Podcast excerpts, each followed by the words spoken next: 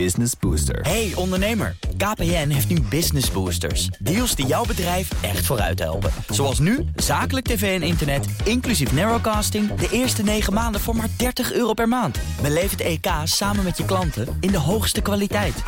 Kijk op kpn.com slash businessbooster. Business Booster. Studio Den Haag.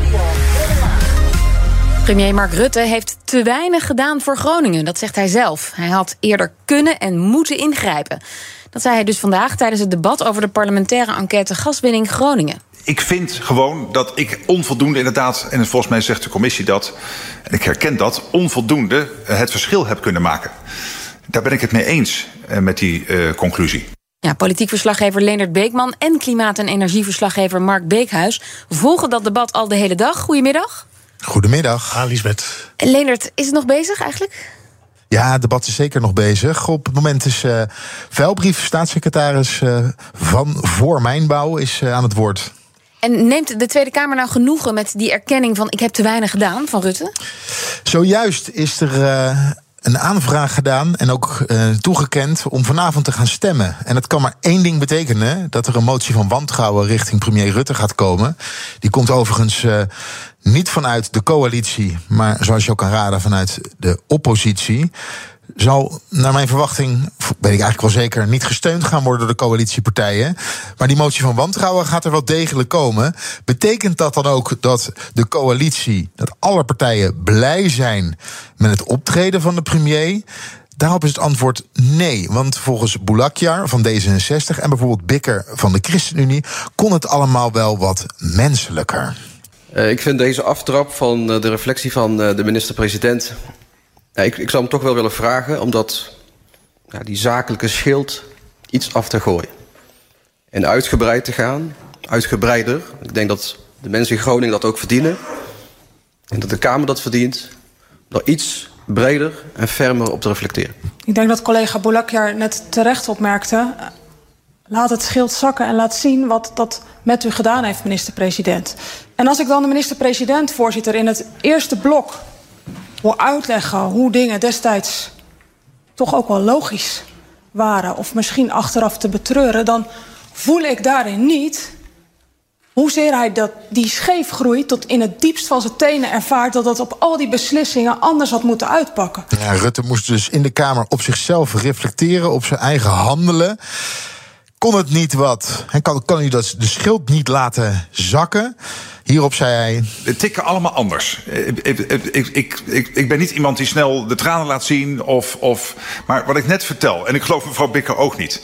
Dus laten we elkaar daar ook niet proberen uh, in, in te stimuleren. Maar um, wat ik net beschrijf over mijn bezoeken, et cetera, dat heeft mij diep geraakt. En, en ik hoop dat mevrouw Bikker dat wil aannemen. Uh, uh, ik, ik doe dit werk toch met mijn hele lijf, 24 uur per dag.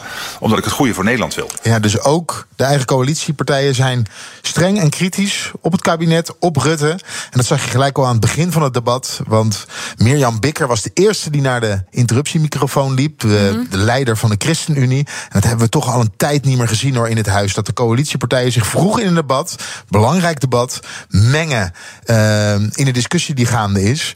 Dat was een tijdje geleden, maar dat gebeurde vandaag wel. Ja, die meldde zich meteen bij de microfoon. En Leenert, ja, de grote vraag die hier boven dat hele debat hangt, is natuurlijk de vertrouwensvraag. Is die al een beetje beantwoord? Nou, nee, zoals ik al zei, er komt een uh, motie van wantrouwen komt eraan. We weten nog niet vanuit welke partij dat gaat gebeuren. Maar die zal uh, in ieder geval op, uh, op, op, op, grote steun kunnen rekenen vanuit de oppositie. en Klaver die wilde ook weten van als het kabinet opstapt bij de toeslagenaffaire, omdat er een systeemfout is.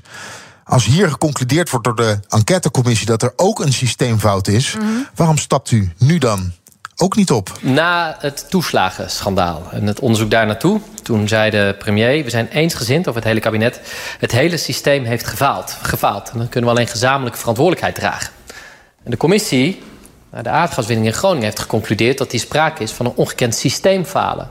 Wat is het verschil wat is het verschil tussen de beide systeemfalen volgens deze premier? Ik kan voor mezelf spreken.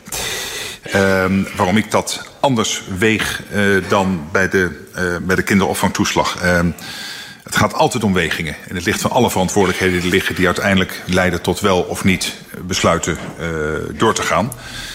Um, ik heb gezegd, want naar mijn overtuiging... zo is dat er nu een goed plan ligt. Wat we ook vooruit willen helpen. Dus dat is de motivatie om door te gaan.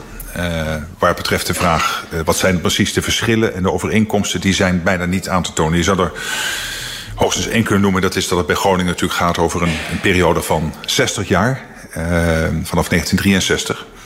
Um, en dat is natuurlijk een groot verschil met het verschrikkelijke schandaal van de kinderopvangtoeslag. Ja, en staatssecretaris Velbrief is nu aan het woord en hij moet gaan uitleggen dat pakket aan maatregelen voor Groningen, hoe dat dan vorm krijgt en mm-hmm. hoe Groningen in de komende jaren geholpen gaat worden.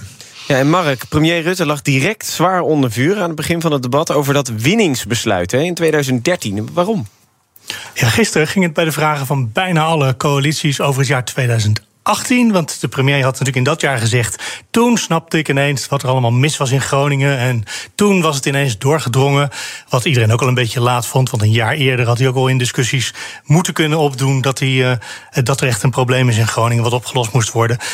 Maar in 2012 dat is nog weer vijf jaar eerder, was natuurlijk al die grote aardbeving in Groningen, in uh, Huizingen. En in 2013 is notabene Gasterra langsgek langsgekomen in Den Haag bij het ministerie met de vraag: moeten wij misschien minder gas gaan. Uh, minder gas gaan winnen. En het ministerie heeft gezegd: nee hoor, lekker doorpompen. Om even GroenLinks te citeren. Um, dus op dat ogenblik, ja, uh, had de regering wat kunnen doen. En dat hebben ze niet gedaan. En daar sprak uh, Klaver hem op aan. In 2013 is er een moment geweest waarop Gasterra heeft gezegd... en zich naar aan de, tot Den Haag heeft ge, gericht... die gaswinning die gaat straks omhoog, willen we dat wel? En er is vanuit het ministerie van Economische Zaken gezegd... ga maar door. De commissie concludeert, hieruit blijkt pijnlijk... dat geld zoveel belangrijker was dan de mensen in Groningen. Dat is verschrikkelijk, ja. Klopt. En wat dit laat zien, wat dit laat zien is dat de hele politieke cultuur, het hele systeem wat was opgebouwd, daar waren niet die ambtenaren voor verantwoordelijk, maar de politieke top. Die ambtenaren hebben uitvoering gegeven aan iets wat jarenlang de gewoonte was in Den Haag. Oppompen wat we kunnen oppompen. En ik wil dat de minister-president niet zegt: ja, dat is heel erg. Tuurlijk is dat heel erg. Dat hij daar zijn volle verantwoordelijkheid voor neemt. Zegt dat is daar misgegaan. Dank u wel. Dat was het moment waarop we hadden moeten ingrijpen. En ik wil het zo ronduit van deze minister-president horen. De minister-president. Voorzitter, ik kies toch echt mijn eigen woorden. Maar volgens mij zijn Klaver en ik het eens dat ook het rapport toch beschrijft.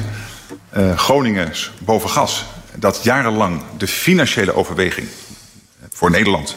En er zijn allemaal hele mooie dingen mee gebeurd met dat geld. Maar dat die financiële overweging te dominant is geweest. Dat veiligheid te lang geen rol heeft gespeeld. Dat is toch de kern van het uh, rapport. En dat vanaf Huizingen er pogingen zijn gedaan. Maar dat het te laat of te weinig en meer had moeten zijn om ervoor te zorgen dat je daadwerkelijk had kunnen ingrijpen. Ja, uiteindelijk zegt Rutte dan: ja, weet je, het was mijn ministerie niet. Ik zit bij op algemene zaken. Dit speelde bij uh, economische zaken.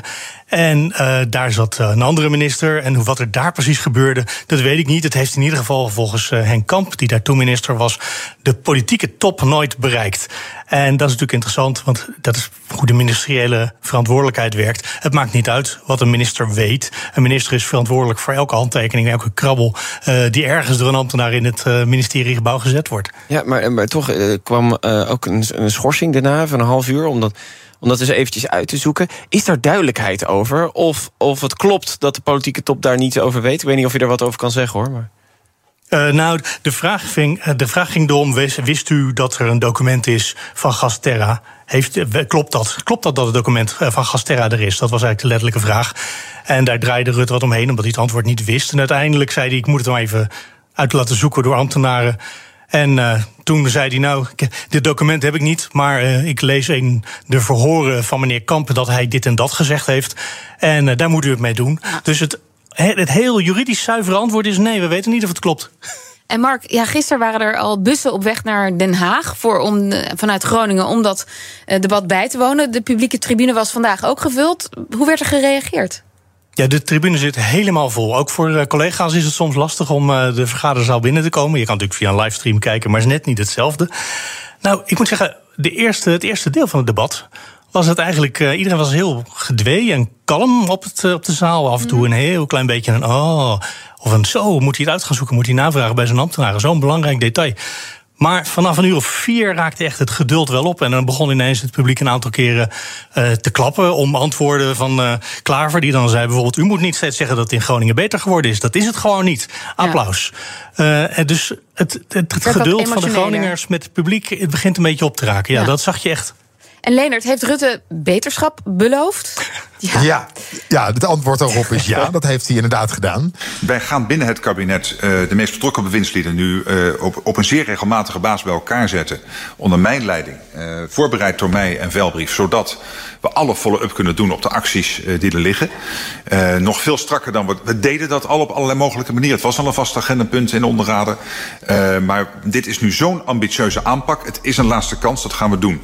Ik moet ja. wel zeggen dat de Groningers hier in Den Haag, die hier naartoe zijn gekomen, op de publieke tribune zitten, die wij gesproken hebben, moedeloos zijn. Aan de ene kant zeggen ze, ja, al komt er een blanco cheque vanuit het kabinet, we hebben er geen vertrouwen in dat Rutte 4 de problemen voor ons gaat oplossen. En aan de andere kant zeggen ze, maar ja, als Rutte opstapt, zijn we ook nergens. Dus, uh, maar ja, dat, nou ja, dat is de op, vraag, op hoop van zegen maar. Want Sandra Beckerman van de SP zei gisteren nog in dat debat...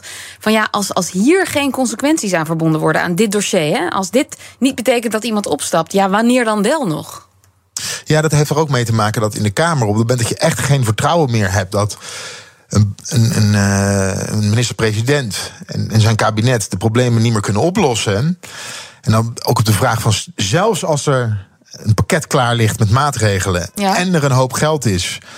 Heeft u dan nog steeds het vertrouwen er niet in dat het gaat gebeuren? Als het antwoord dan ook nee is, ja, dan is het wel de vraag: van, ja, kan je dan eigenlijk wel verder? Nou ja, en maar ja, kan Rutte dat Rutte zelf, gesteund. Precies, ja. uh, kan hij de eer aan zichzelf niet beter houden, omdat hij weet dat het vertrouwen met heel veel meer geld ook niet terugkomt. Ja, maar Rutte is er echt heilig van overtuigd dat hij de aangewezen man is om alsnog het probleem op te lossen. En hij ziet het ook als een missie. Hij zei: er zijn twee dossiers waarbij ik het als mijn persoonlijke opgave zie. Ik zeg het even mijn eigen woorden. Om dat tot een goed einde te brengen. En dat is het toeslagenschandaal en dat is Groningen. En dat is zijn, dat is zijn opdracht voor de komende tijd. En dat wil hij zelf doen. Politiek verslaggever Leendert Beekman en klimaat- en energieverslaggever Mark Beekhuis in Den Haag. Dank jullie wel. Business Booster. Hey ondernemer, KPN heeft nu Business Boosters. Deals die jouw bedrijf echt vooruit helpen. Zoals nu, zakelijk tv en internet, inclusief narrowcasting... de eerste 9 maanden voor maar 30 euro per maand. Beleef het EK samen met je klanten in de hoogste kwaliteit. Kijk op kpn.com businessbooster. Business Booster.